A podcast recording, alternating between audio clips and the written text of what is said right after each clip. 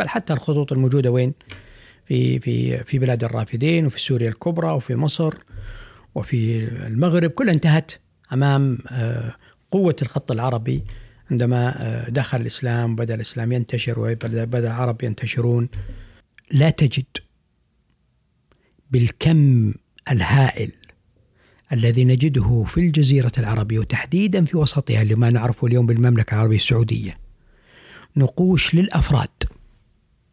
زي ما جددوا في الجزيرة العربية فذكرت لهم إنه المكتشف أمريكا ليس كولومبوس لكن إذا إذا ثبت صح صحه انه هذه النقوش الموجودة هي صحيح ثمودية هذا يدل دلالة قاطعة انه القبائل الثمودية وصلت إلى العالم الجديد قبل وصول اكتشاف كولومبوس وجماعته.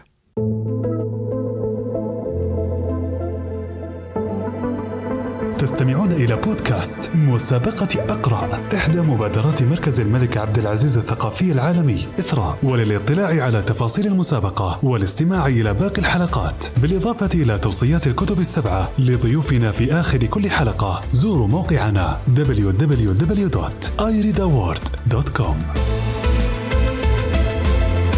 أنا سامي البطاطي من فريق أقرأ. وضيفنا في هذه الحلقة الأستاذ الدكتور سليمان بن عبد الرحمن الذيب وهو كاتب ومؤرخ وأستاذ الكتابات العربية القديمة في جامعة الملك سعود وجامعة مصر للعلوم والتكنولوجيا. وهو عالم بالآثار واللغات القديمة في الجزيرة العربية. له عشرات المؤلفات والدراسات والأبحاث المنشورة باللغة العربية والإنجليزية وقام بالعديد من الرحلات الاستكشافية الأثرية وشغل عدة مناصب داخل وخارج السعودية. عمل كأستاذ زائر في كل من جامعة اليرموك في الأردن وجامعة برلين. أهلا دكتور سليمان سعيد بوجودك معنا. الله يسعد أيامك. أنا اللي سعيد الحقيقة في المشاركة في هذه الإذاعة. إن شاء الله الطي الفتية. يعني أنا ما أدري كم عمرها لكن إن شاء الله أنها شبابية وسعيد بالمشاركة فيها. بودي يا دكتور وأنتم قد قمتم بالعديد من الرحلات الاستكشافية الأثرية. لو تذكر لي آخر الرحلات الاستكشافية الأثرية التي قمتم بها وأقدم الآثار المكتشفة في الجزيرة العربية وأهميتها في دراسة وتتبع أصول الكتاب العربية.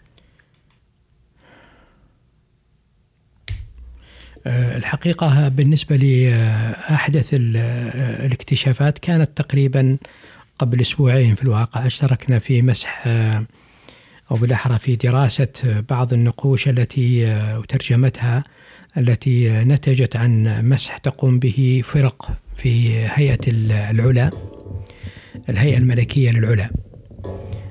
وهذا هو الموسم الرابع لهم. والحمد لله الاكتشافات الاكتشافات تتوالى. آه، طبعا في أيضا اكتشافات قبل فترة الحقيقة موجودة في منطقة حائل عبارة عن نقوش آه، ثمودية وجدت في منطقة حائل. آه، ولعل آخر نقش رأيته أو نقوش رأيتها قبل تقريبا يومين كانت موجودة من منطقة سدير منطقة سدير عبارة عن نقوش أيضا كتبت بالقلم الثمودي. القلم الثمودي نتحدث قبل كم سنة؟ آه القلم الثمودي استخدم 1200 سنة قبل الميلاد تقريبا 1100 سنة قبل الميلاد إلى الرابع ميلادي. يعني تقريبا آه استمر استخدامه في الجزيرة العربية لمدة آه 1600 سنة. والطريف في, النقوش الثمودية أني أنا أسميها دائما بأنها هي تويتر ذلك الوقت. لأنها قصيرة ومباشرة ولا يأخذ كاتبها في عين الاعتبار العادات والتقاليد والمحاذير السياسية والدينية والاجتماعية. أبدا تجد النقوش الثمودية كأنك يكتبها واحد في تويتر باسم مستعار لكن ذلك الوقت ما يكتب باسم مستعار كان يكتب اسمه. يكتب اسمه إنما مباشرة وتغطي كافة نواحي الحياة. لذلك تجدها أكثر صراحة وأكثر شفافية في في جميع في جوانب قد يخجل منها بعض القبائل العربية الأخرى التي اتخذت من المسند الجنوبي خطا لها أو من النبطي أو الأرامي خطوطا لها. آه، بعكس الثمودي كان آه، لا يتردد في كتابة ما يجول في خاطره. وقد تستغرب لما تقرأ بعض من هذه النقوش كيف أنه يعني يكتب هذا الكلام لا يتناسب مع العادات والتقاليد لكن الثمودي آنذاك كان لا. يعني لديه آه، حرية اجتماعية واضحة. الكتابات الثمودية كتابات عربية؟ إي طبعا الكتابات الثمودية الحرف ليس حرف مختلف لكن اللغة لغة عربية. اللغة يعني في 99% منها باللغة العربية. آه، نستطيع أن نترجمها من خلال آه، لسان العرب والمعاجم العربية آه، القواميس العربية والمعاجم العربية نعم هل يوجد علاقة بين الكتاب الثمودي وبين قوم ثمود في القرآن أم هو فقط تطابق آه. لفظي؟ الإجابة بشكل واضح قد تكون صعبة لكن أنا أتوقع أنها ليس هناك علاقة عرقية بين الثموديين المذكورين في القرآن الكريم وثمود التي أو أصحاب النقوش الثمودية التي نسميها بالثمودية. سبب هو الذي أدخل اللبس عند الناس هو المسمى. والمسمى الحقيقة مع أن النقوش الثمودية منتشرة في معظم أنحاء الجزيرة العربية بالآلاف. فيما عدا منطقة شرقية قليلة جدا جدا جدا نستطيع أن نقول أنها نادرة. لكن في مناطق الجزيرة العربية كلها شمال وسط غرب جنوب جنوب غرب جنوب شرق كلها موجودة فيها نقوش ثمودية هو المسمى مسمى اللي اتفق بين المختصين على أساس تسميتها بالثمودية. وسبب هذا انهم وجدوا يعني صدق ولا صدق من بين آلاف النقوش تزيد على خمسين ستين ألف نقش موجودة أو أكثر من ذلك أيضا فيها فقط ستة نقوش موجودة فيها هثمد والهاء في تلك الفترة في اللغة الثمودية هي آل التعريف أهل التعريف لما تقول مثلا سامي يعمل في هذا المركز هو يقول سامي يعمل في ها مركز في هذا المركز. فأتخذها الذين أطلقوا هذا المسمى عليه بأنها هذه أداة التعريف. مع أن الهاء هي أيضا تأتي في أحيان أخرى بمعنى اسم الإشارة هذا. فلذلك اكتسبت هذا الاسم يعني من هنا دخل لكن هل هناك علاقة وطيدة عرقيا بين ثمود القرآن وثمود الكتابات؟ ما أظن.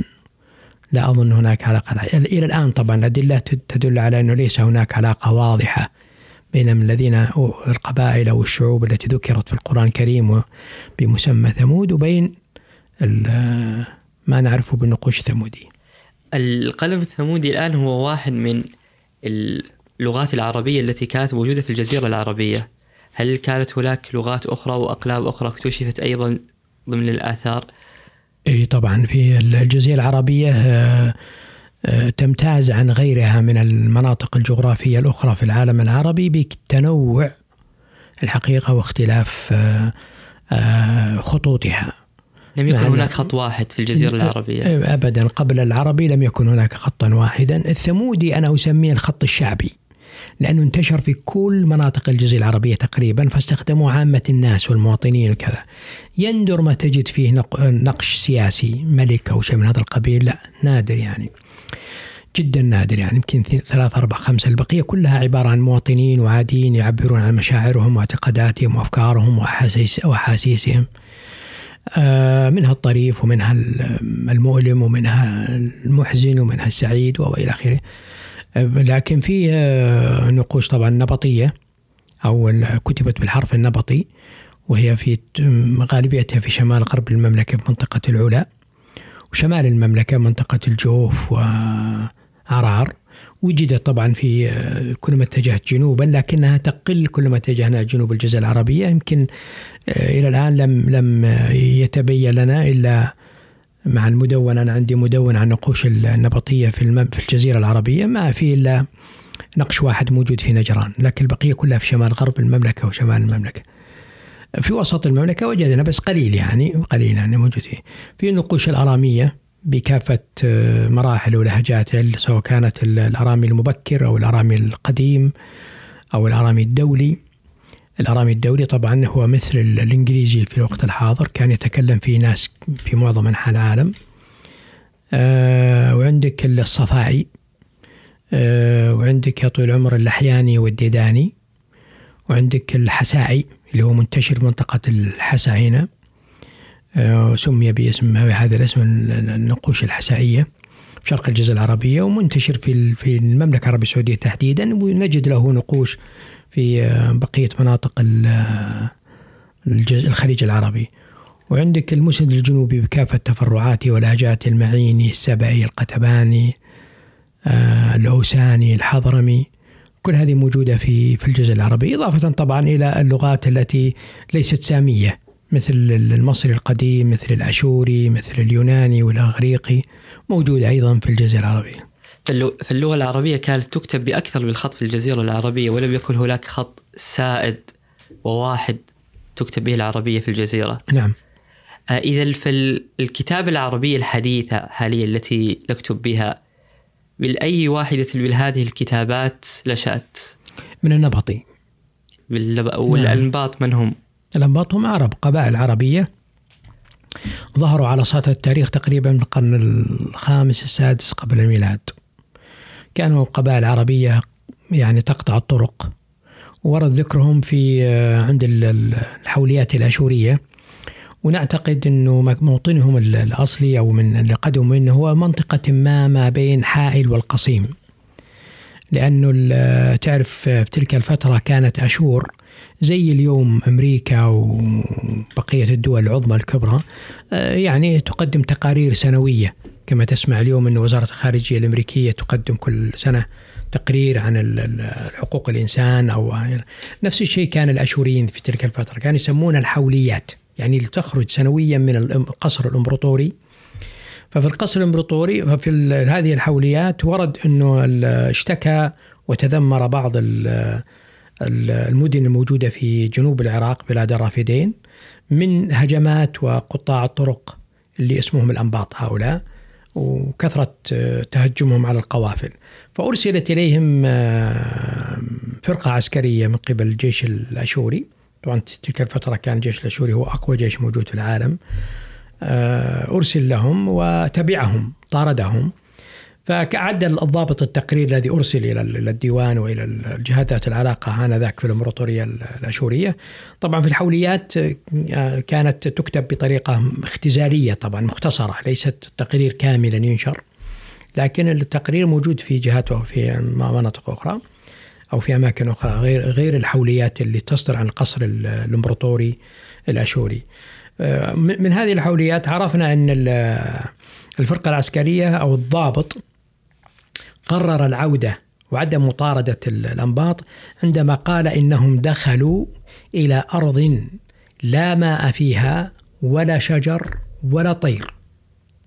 زي ما يسميه اليوم إحنا الجنرال ثلج عند الاتحاد السوفيتي عندما في حاول آه، هتلر يدخل آه، موسكو وسبب هزيمته كان الثلج وليست القدرة الاتحاد السوفيتي آنذاك. نفس الشيء الجيش الأشوري عندما دخل آه، هذه المنطقة قرر قائد الفرقة عدم الاستمرار ومطاردة الفلول الأنباط وقال هو ملكهم اسمه ياتع أو ياثع ينطق بالثاء أو بالتاء كل واحد.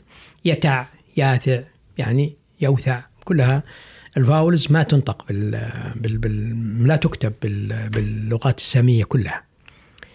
أه وقال إنه أنا اضطريت إلى العودة نظرا لأنه وصلنا إلى منطقة دخلوا إلى موطنهم الأصلي هو قال في تقريره إنهم دخلوا إلى بلادهم إلى بلادهم حيث لا ماء ولا شجر ولا طير يعني معناته صحراء قاحلة آه، فلذلك آه، من خلال تقرير الضابط الاشوري يتبين أن المنطقة التي قصدها كانت ما بين منطقة حائل حاليا ومنطقة القصيم.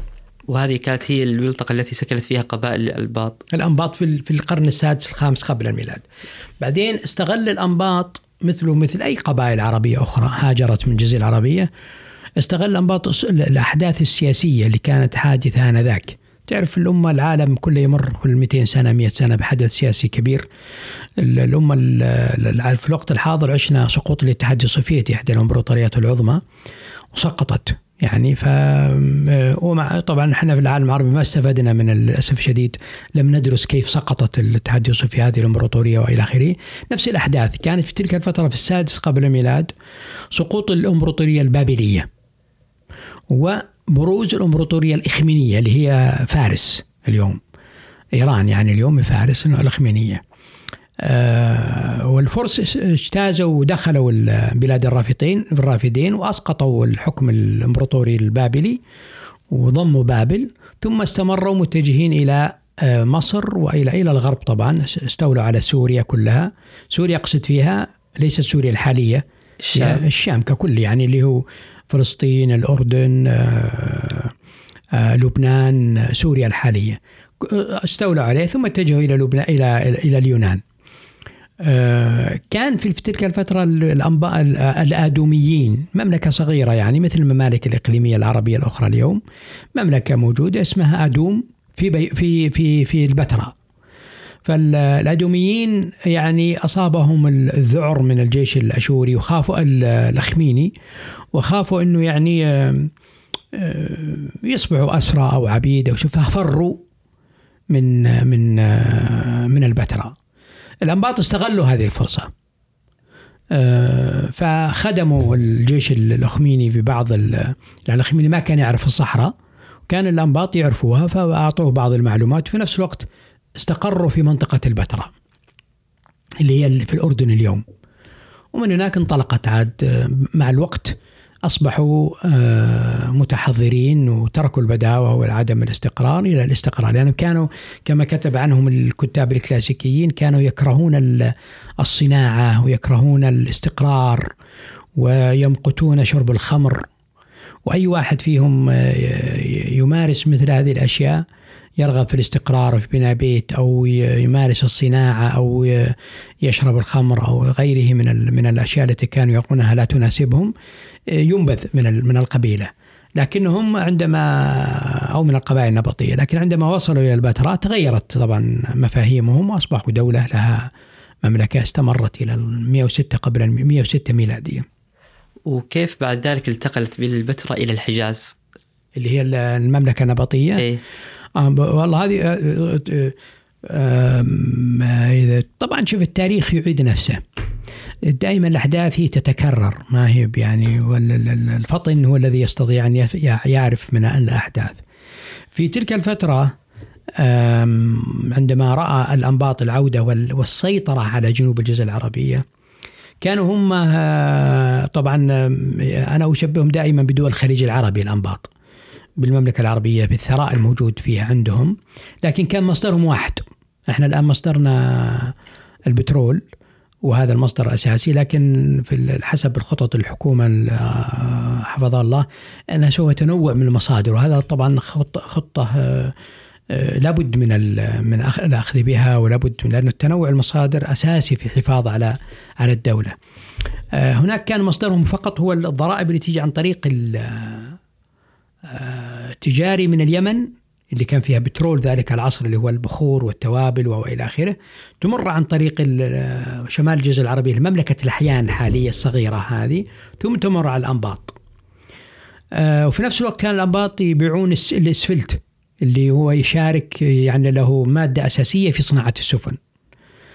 آه، في تلك الفترة اللي هي قبل طبعا 100 سنة من من احتلال أو من عودة الأنباط إلى ضم آه، الأحيان اكتشف اللي هو يسمونه الطريق الرياح الرياح الموسمية في الرياح في البحار اللي تسير السفن فانتقل الطريق من الطريق البري إلى الطريق التجاري فأثر هذا تدريجيا على مين؟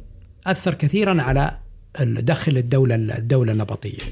والمملكة الأحيانية كان لها علاقات قوية مع البطالمة في في مصر. والك التقى المملكة الأحيانية؟ في العلا اليوم. في العلا. في العلا اليوم. كان لها علاقات قوية في الحجر نفس الحجر اليوم والعلا.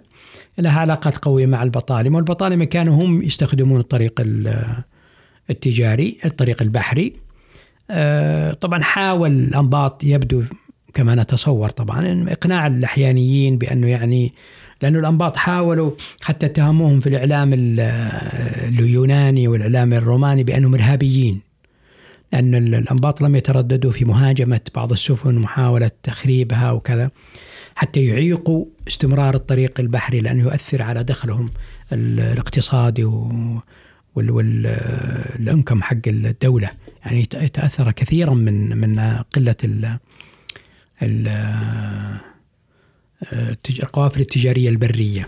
مع أنه كان الحقيقة الأولى بالأنباط أنهم يماشوا العصر تلك الفترة لكن أخطاء سياسية ترتكب ورأوا عدم مماشاة العصر في ذلك الوقت. هذه كلها كانت قبل الميلاد. قبل الميلاد يعني تقريبا هذه في 200 سنة قبل الميلاد. عندها رأى الأنباط أنه يعني هذه الدولة الصغيرة اللي هي الأحيان لابد من ضمها حتى يكسروا حاجز العلاقة ما بين بطالمة وما بين مملكة من الممالك الموجودة في الجزيرة العربية. فعادوا إلى تقريبا هم رجعوا إلى المنطقة في 424 قبل الميلاد. لأن في هذه الفترة أيضا حصلت غزوة غزو الرومان إلى جنوب الجزيرة العربية من عن طريق الأنباط اللي كانوا في في شمال وهذه طبعا قصة أخرى لكن عاد. وهكذا رجعوا الأنباط إلى إلى الحجر. رجعوا إلى الحجر اللي تقع نعم. في تقع في مدائن صالح اليوم. في مدائن صالح. وصوله طيب إلى مكة وكتابة العرب في صدر الإسلام. هذه فيما بعد. بعدين طبعا العرب وجد في الخط النبطي أو العربي وجد في الخط النبطي القلم النبطي. طبعا الأنباط هم عرب ما في شك من خلال أسمائهم من خلال قبائلهم كلها أسماء عربية. أه وجدوا أن أسهل الخطوط استخداما مع أنه هو 22 22 رمز لكن 28 صوت. مثل العربي العربي 22 آه، ترى رمز أو أو حرف لكن 28 صوت. أه وسهل سهل إنه يكون متواصل الأحرف التشبيك الأحرف. بعكس المسند الجنوبي ولا الشمالي اللي هو الأحياني هذا ما تقدر ما تقدر تربطه مع بعض البعض يعني في صعوبة. فوجدوا الأنباط إنه العرب فيما بعد إنهم يأخذوا خط النبطي واستخدموه ثم بدأ انتشر الخط العربي في جميع أنحاء الجزء العربي وماتت كل الخطوط الأخرى. وليست فقط الخطوط في داخل الجزء العربي بل حتى الخطوط الموجودة وين؟ في في في بلاد الرافدين وفي سوريا الكبرى وفي مصر. وفي المغرب كلها انتهت أمام آه، قوة الخط العربي عندما آه، دخل الإسلام بدا الإسلام ينتشر وبدأ العرب ينتشرون فانتهت كل هذه الخطوط تماما. ودي أعرف تفاصيل أكثر حول الخط اللبطي، هل كان يكتب موصول أو لا؟ هل كان ملقط أو لا؟ ما أوجه الشبه بين الخط اللبطي في ذلك الوقت وبين الكتابة العربية الآن الحديثة ما الذي اختلف منذ ذلك الوقت حتى الآن هو الاختلاف هو التطور تطور الشكل يعني حسب السرعة وحسبه اختلف. طبعا الخط النبطي يكتب من اليمين إلى اليسار ويتشبك كثيرا من كلماته من حروفه. يختلف أيضا يمتاز عن غيره من بقية النقوش إنه يستخدم هو لا يستخدم فواصل بين الكلمات. يعني مثل الأحيان على سبيل المثال يستخدم فواصل بين كل كلمة وكلمة. في حين النبطي لا. يست... له للأح... لبعض الأحرف فيه شكل مختلف عنه عندما يأتي في نهاية الكلمة عنه عندما يأتي في أولها. زي العربي. زي الياء بالعربي في أول كلمة وسطها يختلف عنه في نهايتها. آه، الهاء على سبيل المثال نفس الشيء. كل هذه الحروف هي نفس الشيء. عندك الألف تختلف الباء تختلف الياء تختلف الهاء تختلف الميم تختلف النون تختلف الكاف تختلف آه، عن شكلها في نهاية الكلمة عنها في وسطها وبدايتها.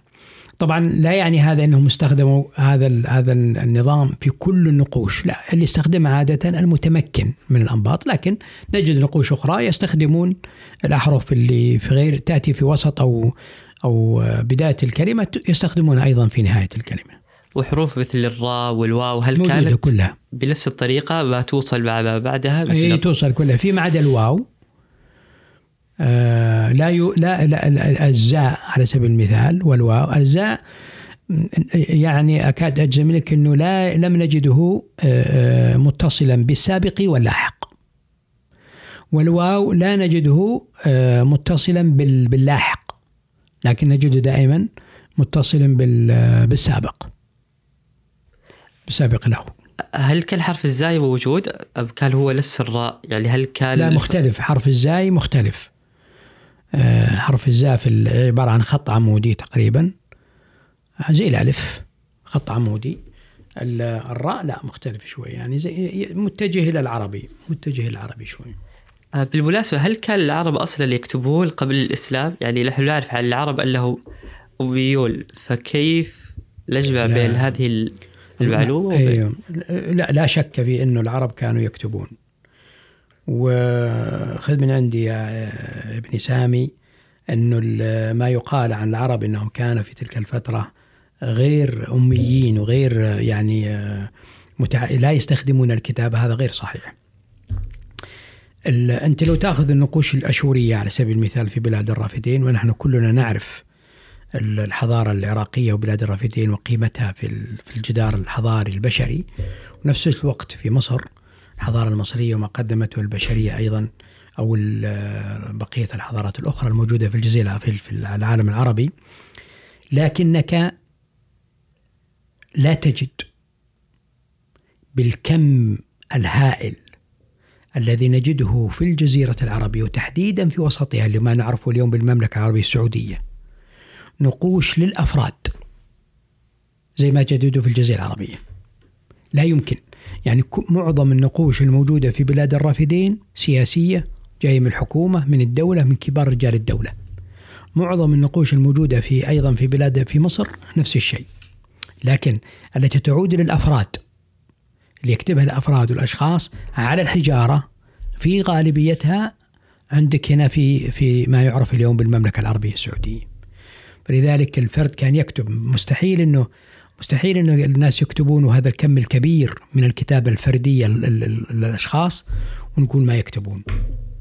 قد تكون فترة من فترات عم الجهل أو شيء من القبيل ممكن لكنها لا كان في كتابه. من أين جاءت إذا فكرة آه، أمية العرب في الجزيرة العربية آه، هو في والله أنا تحديدا لا أدري بالضبط لكن بعض الناس يربط ما بين آه، الرسول عليه أفضل الصلاة والتسليم والسلام والتسليم الذي لا ينطق عن الهوى عندما طلب من الأسرى في عند الأنصار إذا أرادوا أن يفكوا أسرهم أن يعلموا كل واحد يعلم عشرة. فاعتقد البعض إنه ال إنه ال لأنه قريش ما كانت تكتب إنه آه، طبعا وسعوها وخلوها كل العالم العربي أو كل الجزيرة العربية عفوا. لكن مو صحيح يعني هذا قد يكون في الجزيره في قريش آنذاك أو لدى حتى من من اعتنق الدين الإسلامي آنذاك لكن ليس عند الغالبية يعني. إيه ولا؟ آه، وهل كانت الكتابات في ذلك الوقت منقطة؟ نعم. كانت نعم. منقطة؟ في بعضها ليست في كلها في بعضها. فلذلك البعض طبعا الأبو الأسود الدؤلي وما يقال عن أنه قد يكون هذا صحيح لكن عندنا إشارات متعددة عن الأنباط كانوا يفرقون بين لأنه الراء والدال نفس نفس الشكل. الباء والتاء الباء وال قصدي شو اسمه اللهم صل على محمد وعلى السين والشين نفس الشكل. آه، الطاء والضاء نفس الشكل. الصاد والضاد نفس الشكل. فإذا أراد أن يفرق يريد لك أن تعرف أنك أن هذه دال وليست راء. هي عندهم الاسم البنوة بر.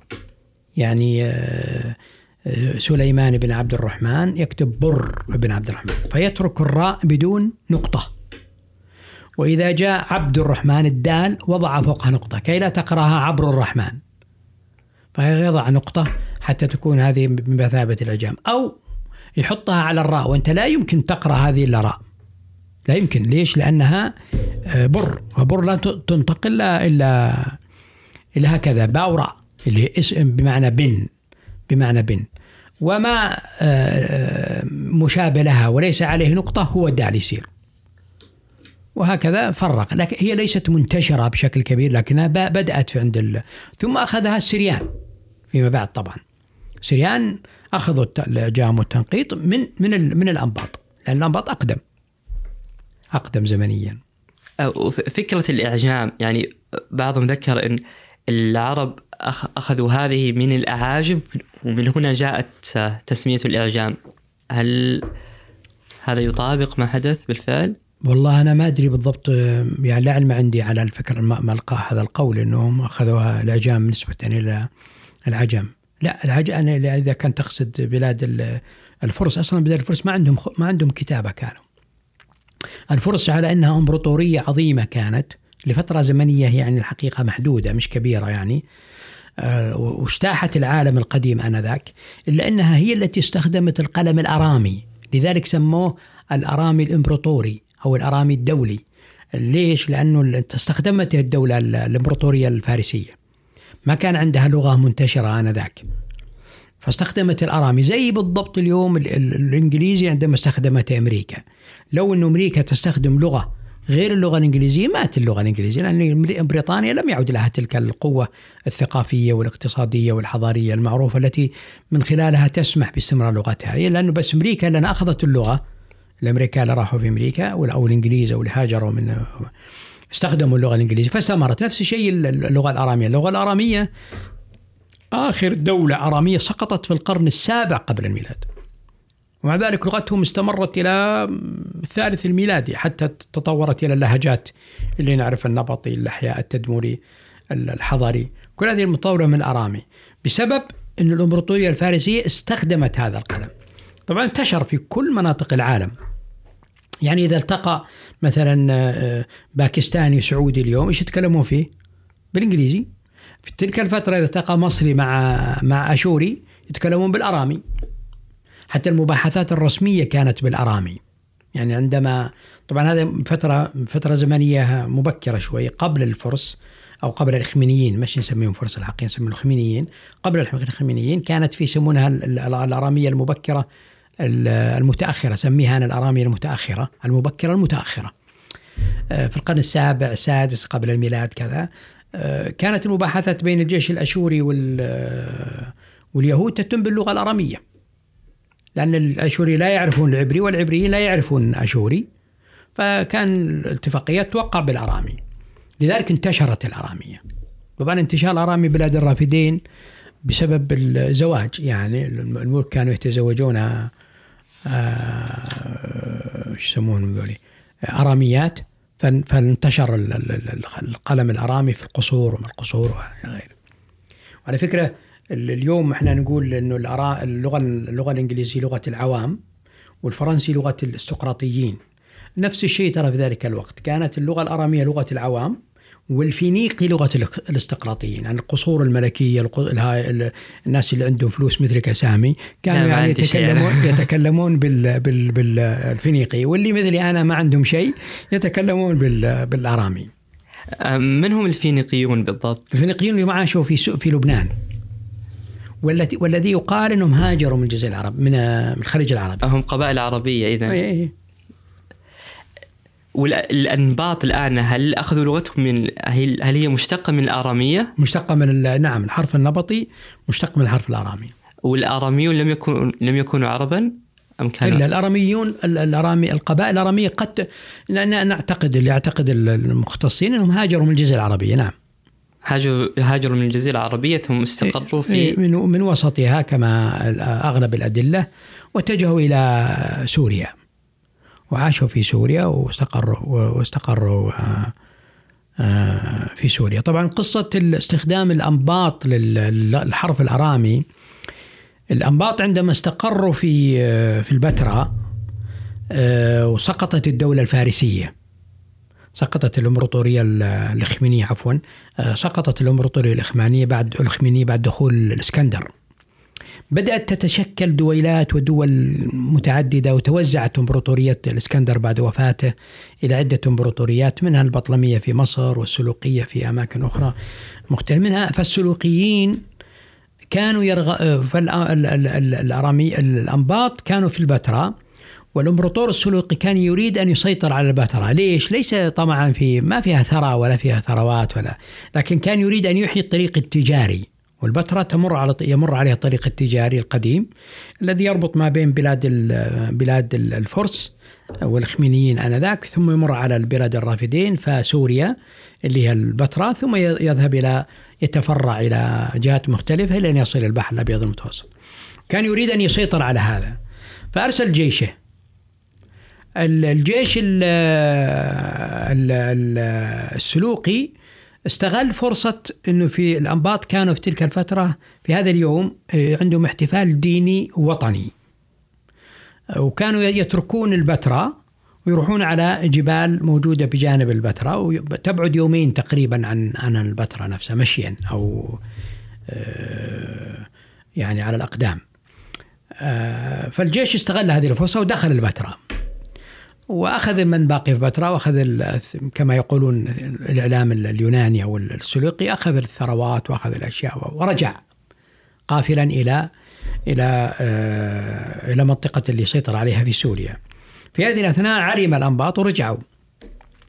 لكن اللي أنا اتصوره طبعا أنا ما ودي أطيل عليك لأن هي قصة طويلة شوية هي يعني اللي قصة لكن اللي كيف استخدموها إنه الأنباط السلوقيين أبقوا فلول من قواعد عسكرية ما نسميها إحنا بقواعد عسكرية اليوم أبقوها في وين؟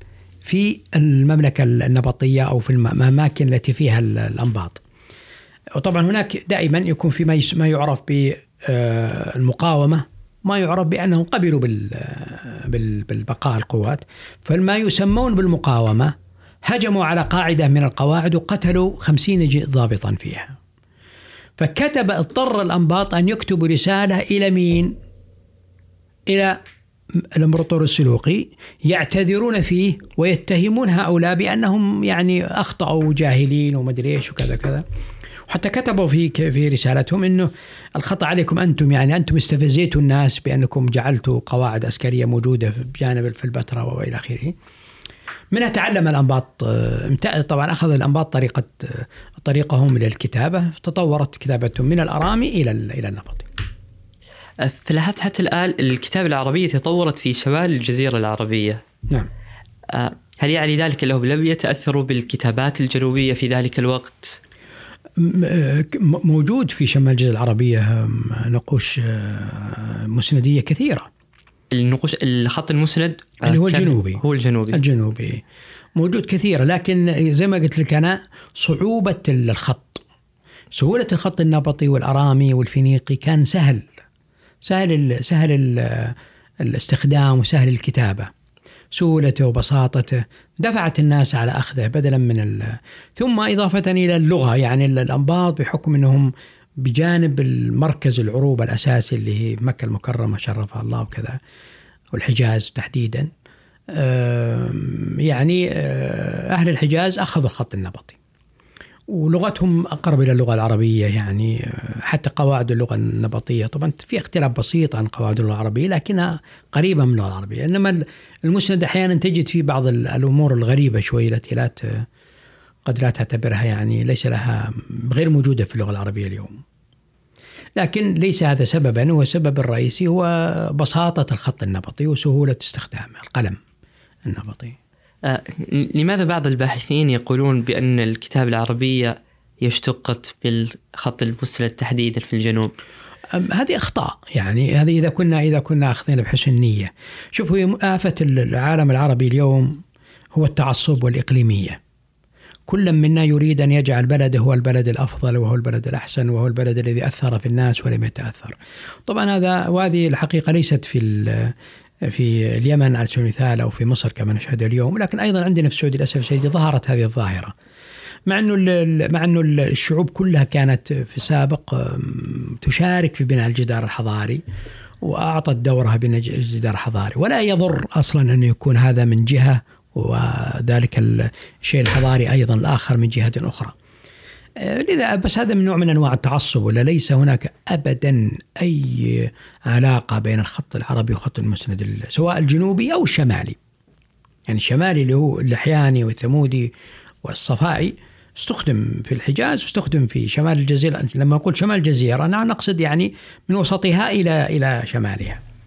إلى أن تصل إلى البتراء وإلى البتراء تعتبر من الجزيرة العربية طبعا جغرافيا من الجزيرة العربية. آه ذكرت التو اللغة النبطية كلغة آه وكذلك اللغة العربية. هل نحن نتحدث عن لغتين متفاوتين متفاوتتين حتى خارج الكتابة؟ لا لا لا لا ما ودي أقول لغتين لكن قد تكون لهجتين أو شيء من القبيل. لكن في بعض الاختلاف في اللغة النبطية عن اللغة العربية أو عن النبطي في النبطي عن اللغة العربية. على سبيل المثال التعريف في العربي هي ال تأتي في بداية الكلمة. في النبطي تأتي في آه، نهاية الكلمة حرف الألف. ما يستخدمون ال يستخدمون حرف الألف. مثلا قلم قلما. إذا أرادوا يحطونه بالمؤنث أضافوا تاء التأنيث والألف. قلمتا. بهذا الشكل. بالإضافة إلى أنهم طبعا هم بداية الجملة عادة تكون إذا بدأت باسم إشارة.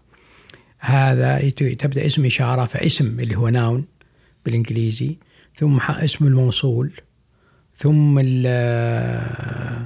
الفعل ثم اسم العلم. غالبا تكون اسماء جملهم الاسمية بهذا الشكل. طبعا إحنا قد يمكن بالعربي بالفصحى قد نقول هذه السيارة التي اشترى كذا. هم يقولوا دنا كفرادي عبدا. يعني هذا الذي هذه المقبرة التي بنى. التي بنى. إيه، يعني بهذا الشكل. لكنها كانت تعد لغة عربية. نعم أقرب أقرب. فيها كلمات ومفردات كثير غير عربية طبعا بحكم الاحتكاك الحضاري بينهم وبين الرومان أثروا فيهم. يعني معظم المفردات الفنية العسكرية الفنية كذا غالبيتها أجنبية يعني لاتي شو اسمه هذه رومانية يونانية. لكن الأفعال وما الأفعال غالبيتها عربية. عبد يعني عربي عبد عمل فعل فعل يعني صحيح بعض المفردات مثل زبنة. زبنة بمعنى اشترى أو باع. يعني زي كذا. بعيدا عن الكتابة العربية هل كانت اللغة المحكية آه، مفهومة لدى تلك القبائل العربية؟ لو انتقل مثلا عربي من وسط الجزيرة إلى غربها هل كان سيفهم ما يقوله العربي في غرب الجزيرة؟ يعني هل كان الاختلاف فقط في الكتابة أم الاختلاف حتى موجود في اللغة المحكية؟ قد يكون قد يكون قد يكون في اختلاف في النطق لكن يمكن يفهم هو يعني زي مثلا اليوم لما نجي ونروح ل... نروح لمصر أو نروح تونس اللهجة قد لا تفهمها بسهولة لكنها هي عربية يعني مصر طبعا نفهمها بحكم التأثير الثقافي المصري القوي لكن في في شو اسمه في تونس في في في الجزائر قد تأثرها باللغتين الفرنسية والأسبانية جعلها جعل هذه اللغة هذه اللهجات تكون شوي تبعد تبعد عن العربية لكنها عربية يعني أنا لو أقرأ أنا كنت أدرس في بلجيكا درست الماجستير في في بلجيكا وكنت أقرأ بعض الاحيان الجرائد التونسية لأنها بحكم الجالية التونسية الموجودة في بلجيكا لا, لا أفهم أنا ما يقول. أنا الحين لو تقول لي الشعر النبطي في المملكة العربية السعودية ما أفهم أنا وش يقول. أو حتى الشعر الفصيح. فهل يعني هذا أنه الآن اللي عايش ليس عربيا وساب لا بس أنه يعني بعض الناس يستخدم ألفاظ مختلفة والبعض الآخر يستخدم تلك الألفاظ أو أنها ماتت عنده إنما المصدر واحد آه ودي أسألك النقوش العربية هذه هل وجدت خارج الجزيرة العربية أم كانت فقط مقتصره؟ لا لا موجودة خارج الجزيرة مثل ماذا؟ مثل في, في, آه، في مصر على سبيل المثال مئات الآلاف النقوش الموجودة النبطيه. أنا عندي مشروع طبعا لسه إلى الآن ما بعد آه، من سنتين بين بين مركز الملك فيصل للبحوث والدراسات الإسلامية ومكتبة الإسكندرية في آه، في الإسكندرية. لكن للأسف الشديد آه، الأحداث الموجودة في شمال في سيناء حالت دون إنه يعني المشروع لكن لا زال المشروع باق حتى إن شاء الله يعني موافقة الجهات ذات العلاقة. ولا موجود في نقوش نبطية وموجود في سوريا في بلاد الرافدين في لبنان في روما في اليونان. موجود هذه الكتابات وهذه النقوش بكميات طبعا ليست بنفس الكمية الموجودة في الجزيرة العربية. وخارج البلاد العربية هل وجدت أي نقوش عربية تدل على وصول العرب إليها؟ أي نعم. عندك آه، ما أدري أنت سمعت فيها ولا لا آه، اللي هي النقوش الثمودية الموجودة في كولورادو. في أمريكا؟ اي في أمريكا. هي أنا جتني قبل حوالي 15 سنة. ودعيت لزيارة الموقع لكن مع الأسف الشديد آه، رفضت إني أزور آه، لأسباب يعني كانت آه، شخصية بالنسبة لي أنا. إنما هي موجودة اليوم معروفة النقوش هذه. إذا ثبت بأن هذه النقوش هي طبعا أنا طالبت للأسف الشديد كثير. وأتمنى مركز إثراء هنا. يعني الدعوه مني لمركز إثراء المشاركة في مثل هذه الأشياء. يعني بدلا فقط من يعني فعالية المحاضرات طيبة لكن أيضا فعل دعم الأبحاث شيء أساسي جدا يعني آه، طالبت أنا من زمان حقيقة لجهات العلاقة أنها يعني تتكفل برعاية آه، زيارتي إلى الموقع وفي كولورادو لتصوير هذه المو... هذه النقوش الثمودية الموجودة في كولورادو. كيف وصلت إلى هناك؟ آه والله سألوني وأنا أجبتهم قلت لهم أنا بال, بال... أنهم آه طبعا هي من خلال الاحرف الثمودية هي أحرف ثمودية تعود إلى ما بعد الميلاد. ففي تصوري طبعا وهذا استنتاج مني أنا قد لا قد لا يكون آه، يعني صحيحا لكن في هذه الفترة تعرض تعرض ال- المعتنق الديانة المسيحية آنذاك آه، وهم على حق في تلك الفترة إلى الاضطهاد من قبل الرومان واللي ب- ب- بت- بتأثير من اليهود في فلسطين. وهذول القبائل الثمودية كانت في شمال الجزيرة العربية في عرعر قريات في النواحي هذه الجوف ما بين الجوف ما بين عرعر. فيبدو هربوا ب- ب- ب- بدينهم عن طريق إلى بلاد الرافدين، من بلاد الرافدين دخلوا إلى الأناضول اللي هي تركيا اليوم. من الأناضول دخلوا إلى الاتحاد السوفيتي، من الاتحاد السوفيتي دخلوا إلى عن طريق ألاسكا. حتى وصلوا إلى كولورادو، كولورادو هي شبيهة جغرافيتها شبيهة بجغرافية شمال الجزيرة العربية. فاختار ال- ال- ال- الثموديين الاستمرار والاستقرار في تلك في ذلك المكان. آه، في أي تاريخ كان ذلك؟ كان قبل كولومبوس أو بعد؟ لا لا وين كولومبوس ما جل قبل أي فعشان كذا آه، و- واستغرب هل كانت تلك ال- دعيت وهذا غ- غريب أن الإثراء ما ي... ما ي... المراكز الثقافية في السعودية دائما مقصرة في العالم العربي أنا دعيت إلى قبل حوالي عشر سنين إلى إلى هولندا لإلقاء نفس المحاضرة هذه عن نفس المحاضرة عن النقوش الثمودية الموجودة في فذكرت لهم إنه المكتشف أمريكا ليس كولومبوس لكن اذا إذا ثبت صح صحه انه هذه النقوش الموجودة هي صحيح ثمودية هذا يدل دلالة قاطعة إنه القبائل الثمودية وصلت إلى العالم الجديد قبل وصول اكتشاف كولومبوس وجماعته. واستقرت هناك إي طبعا كتبت نقوشها وكتبت طبعا قليلة هي لكنها تدل هذا دلالة مادية يعني مش مش مش استنتاج ولا مادي. آه يعني أقصد هل كان لها وجود ممتد إلى الآن لا انتهت طبعا انتهت. إيه انتهت إيه. يعني هم مجموعة اما اندمجوا مع الهنود الحمر القبائل التي كانت. الأصلية اللي موجودة هناك أو انتهوا يعني خلاص ذابت ثقافتهم مع الثقافة المحلية الموجودة آنذاك. يعني يمكن ما كان أحد يستخدم ال- الكتابة في تلك في تلك المنطقة فتدريجيا بدأوا تختفي وتنتهي ما عاد صاروا يعني يعرفون كيف الكتابة ونسوها. طيب إلى شرق العالم نحن نتحدث الآن عن الغرب إلى شرق العالم هل وجدت أيوة، نقوش في- عربية نعم في الهند آه وجدت نقوش مسندية جنوبية موجودة هناك وانتقالهم إلى الهند كان لنفس السبب لا لا لا؟ تجارة؟ تجارة. بحكم العلاقات ال- ال- بحكم إنه كانت آه اليمن في تلك الفترة وجنوب جنوب الجزيرة العربية مثل الخليج العربي اليوم مركز للبترول هذولك مركز للتوابل فكانت التجارة بين الأطراف تأتي. عادة حينما تدرسون هذه النقوش آه، تأريخ هذه النقوش كيف تعرفون أن هذا النقش يعود إلى ما قبل الميلاد أو بعد الميلاد. هو طبعا من خلال المضمون ومن خلال شكل حرف. أشكال الأحرف استطاع ال- الكثير من العلماء بجهود الحقيقة مضنية أنهم يحددوا أنه أشكال الأحرف في القرنين الأول والثاني بهذا الشكل في القرن الثالث والرابع بهذا الشكل. فإذا شفت آم، الباحث يعني إذا شاف النصوص قريبة من تلك الشبيهة اللي في القرنين الأول والثاني حطها في القرن يعني أعادها إلى القرن الأول والثاني الميلاديين أو عادها إلى ألف سنة قبل الميلاد. يعني على سبيل المثال عندك النقوش الأرامية وجدناها في العلا ومملكة ديدان وتدل دلالة قاطعة على أن مملكة ديدان كانت موجودة في الألف الأول قبل الميلاد. وهذا يدل على أنه قد تكون أنه مملكة الأحيان أقدم مملكة عربية موجودة بحسم ملك, يعني ملك ولي عهد و ونظام ملكي موجود. قد يعني إن لم تكن يعني في تصوري لأنه في النص اللي عندي أنا الأرامي ما نشرته نشرت جزء منه طبعا هو حينشر جزء منه. آه، هو عبارة عن 16 16 سطر. فيه لفظه في الديدانيين والسبعيين.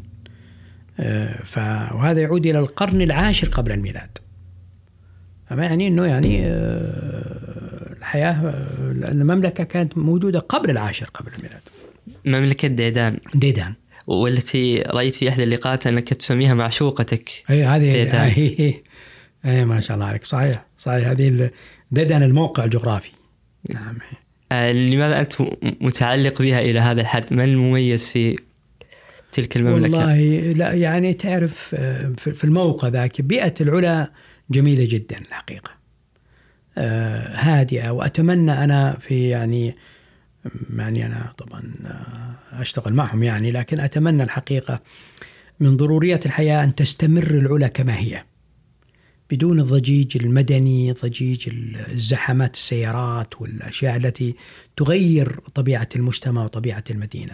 أنا أتمنى لها كل خير أنها تتقدم وتطور في ظل القيادة الحكيمة الحقيقة وهذا الانتباه الالتفات من آه، سمو الأمير محمد الحقيقة يشكر عليه وهو دليل على اهتمامه بالوطن وبكافة أرجاء الوطن. وأتمنى الحقيقة أن القائمين على هيئة يأخذوا هذا بعين الاعتبار أنه بقاء العلا كما هي موجودة التي تجذب تحس فيها بالهدوء بالطمأنينة والسكينة بعكس أنك تجي على مدينة مثل الخبر مثل الرياض مثل الدمام مثل جدة. يعني القاهرة بيروت تروح الحياة ليست بطبيعتها. لذلك أنا أحببت الحقيقة أحببت أحببت العمل الأثري. كنت أنا طبعا أنقب فيها كنت رئيس الفريق التنقيب. ولي كتابين هذا أحدهما عن التنقيب في فيها. فالآثار كما يقولون هو الزوجة الثانية إن لم تكن الأولى أحيانا للآثار. وأحيانا زوجة تغضب منك وتتأثر لأنك تمضي وقتك في في البحث وفي الدراسة وفي ما هي ما هي من النوع اللي الآثار من النوع اللي تمسك المادة بيدك فصعب إنك تتركها ما لم تنتهي منها إلا إذا كانت صعبة قراءتها. لأنه أحيانا أنا أمضي على سبيل المثال نقش معيني في وجدته في العلا وجد في وجدته في العلا قعدت فيه ست سنوات حتى أستطيع إني أقرأها بشكل صحيح بشكل يعني مرجح طبعا. آه، أحيانا تقعد ربع ساعة وتقرا النص. فهي حظوظ. يعني يجيك نص سهل ويجيك نص صعب. فالاثاري دائما آه، في بيته يأتي بشريكة له اللي هو اللي هو علم اللي هو تخصص الآثار. نعم. فلذلك هي بالمناسبة مدائن صالح الموجودة تعود إلى من؟ الحجر. هي الحجر تعود إلى آه، الأنباط. إلى الأنباط. إلى الأنباط. في بعض الأدلة ظهرت من البعثه الفرنسية السعودية الفرنسية على أنه الاستيطان في في المنطقة هذه منطقة الحجر يعود إلى 400 قبل الميلاد وكأنه يعني في استيطان ليس كبير لكن هو الأنباط لما جاءوا وهذا طبيعي يعني سبحان الله يعني مع أنهم عرب كلهم عرب الأحيانيين والأنباط لكن كان انتقام الأنباط من الأحيان انتقام كبير جدا. لم يوردوا اسم ديدان ابدا في نقوشهم. وأنهوها. يعني نقلوا المدينة من من ديدان إلى حطوها في الحجر فماتت الحجر ماتت آه، ديدان. يعني أحد أسباب أنها الزلازل في بعض يقول لك الزلازل. أنا طبعا من خلال كنت أتصور هذا لكن من خلال التنقيب وكذا تبين لي أن الزلازل الموجودة آه، ليست زلازل آه، يعني تؤدي إلى الهجرة. زلازل طبيعية يمكن يعني التكيف معها. وفي دراسة لزميل زميلين لنا الدكتور آه، عبد الناصر والدكتور محسن دللت على أنه طبعا هذه الزلازل موجودة صحيح ولكنها ليست آه، لا لا تؤدي إلى الهجرة في تصوري الشخصي. آه جميل أنا بودي لو أختم اللقاء ببعض اقتراحات الكتب لكن بودي قبل ذلك أن أستعرض الكتب التي قمت بتأليفها في هذا الموضوع لو نستعرض بعض العناوين اي بعض العناوين الحقيقة أنا عندي عشرات الكتب والمؤلفات يعني نعم عندي يمكن تقريبا 37 كتاب جميل. باللغتين العربية والإنجليزية. لكن طبعا غير الأبحاث هذه لكن والمقالات قصدي. لا هذا هذا يعني من الكتب اللي أنصح التاريخ السياسي للأنباط. التاريخ السياسي للأنباط. هذه نشرت هيئة السياحة والآثار. وهذا الكتابات القديمة الكتاب. في المملكة العربية السعودية. أيوة. هذه تشمل كل الكتابات الألباط وغير الألباط. أي نعم غير كلهم. كل الكتابات كل الكتابات الموجودة في آه، وال والكتاب أيضا يشمل بعض الصور لهذه الكتابات أي والنقوش. أي طبعا وفي عندك الكتابة من في الشرق الأدنى القديم من الرمز إلى الأبجدية وهذه اللي نلقي محاضرة حوله. حول يعني بدء الكتابة بالرسم نعم وتطورها وصولها. منشور في لبنان.